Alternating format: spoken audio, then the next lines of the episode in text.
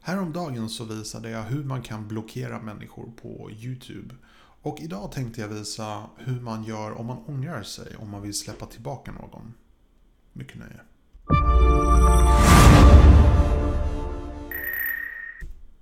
Välkomna till min kanal. Mitt namn är Tommy och jag hjälper dig att bemästra social media idag. Så dagens video är väldigt enkel, bör inte dra ut på tiden allt för långt för att ja, vi ska bara gå igenom någonting väldigt enkelt. Men jag vill ändå ta det här tillfället och säga lite grann tack för 500 prenumeranter. Det är jätteroligt. Ändå ingenting jag räknar för att det som jag sagt förut, mitt fokus är faktiskt på aktiva prenumeranter och det jag faktiskt gör för mina prenumeranter oavsett hur mycket det är. Det vill säga hur mycket nytta jag känner att jag kan tillföra hos prenumeranterna. Och det betyder mycket mer för mig än att typ ha tusentals prenumeranter som bara följer för att sub for sub eller någonting i den stilen. Så inte för att jag har gjort sub for sub, jag bara menar på att eh, en siffra av prenumeranter, det kan vara väldigt tomt. Det behöver inte betyda så mycket egentligen.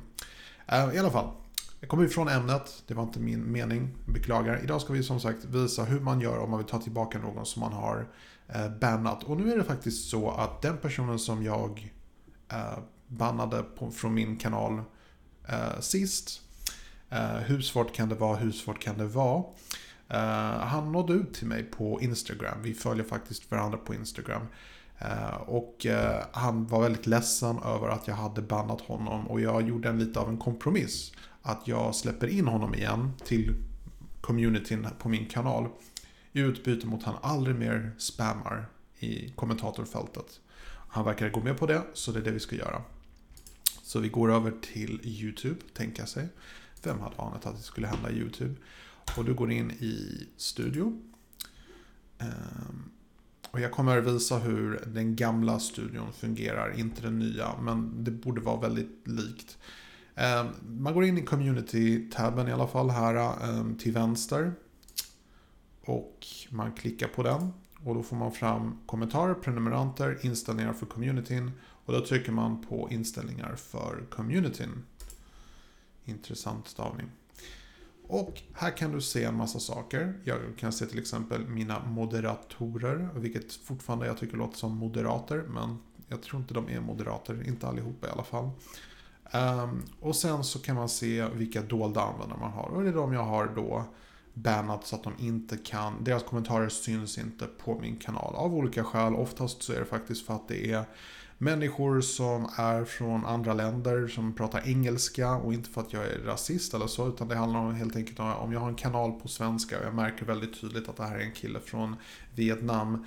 Jag tror inte han följer mig eller vill kommentera för att ja, så att säga verkligen han är intresserad av mitt ämne.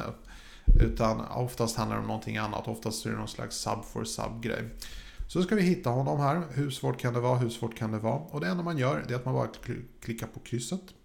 Boom, klart. Det enda man behöver bara också göra är att trycka på spara. Boom, klart. And that's it. Nu kan han eh, kommentera på mina kommentarer. Rättare sagt, han har alltid kunnat göra det, men han har inte vetat om att hans eh, kommentarer har varit osynliga. Och nu eh, är de så att säga synliga. Eh, den enda frågan är dock som jag funderar på, eh, för jag har faktiskt inte gjort det här allt för ofta, det är eh, syns hans kommentarer som han har gjort under hela den här perioden. Nu kommer vi antagligen inte kunna se någonting, men vi ska, vi ska testa en grej. Vi ska bara gå in på kommentarer här och så ska vi söka på hur svårt kan det vara? Så ska vi se, vi har ingenting. Hur svårt? Nej, så att jag tror att alla kommentarer som man har skrivit, de har försvunnit i samband med att... Nej, jag kan inte se han där heller.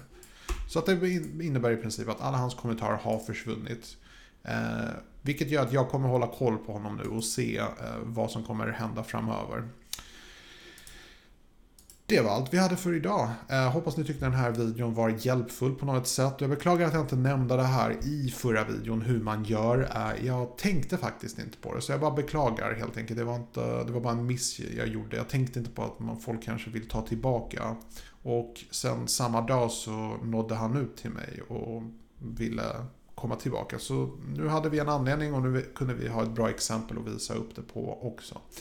Det var allt jag hade för idag. Passa på att önska er en trevlig fortsatt dag. Och eh, glöm inte att kolla in mina nya spellistor. Jag har gjort ett par nya spellistor med nya tips. Eh, speciellt lite för nya prenumeranter. Eh, ta en titt. Det var allt jag hade för idag. Som sagt, så ses vi imorgon. Ehm, vilken tid? Ja, just det. Klockan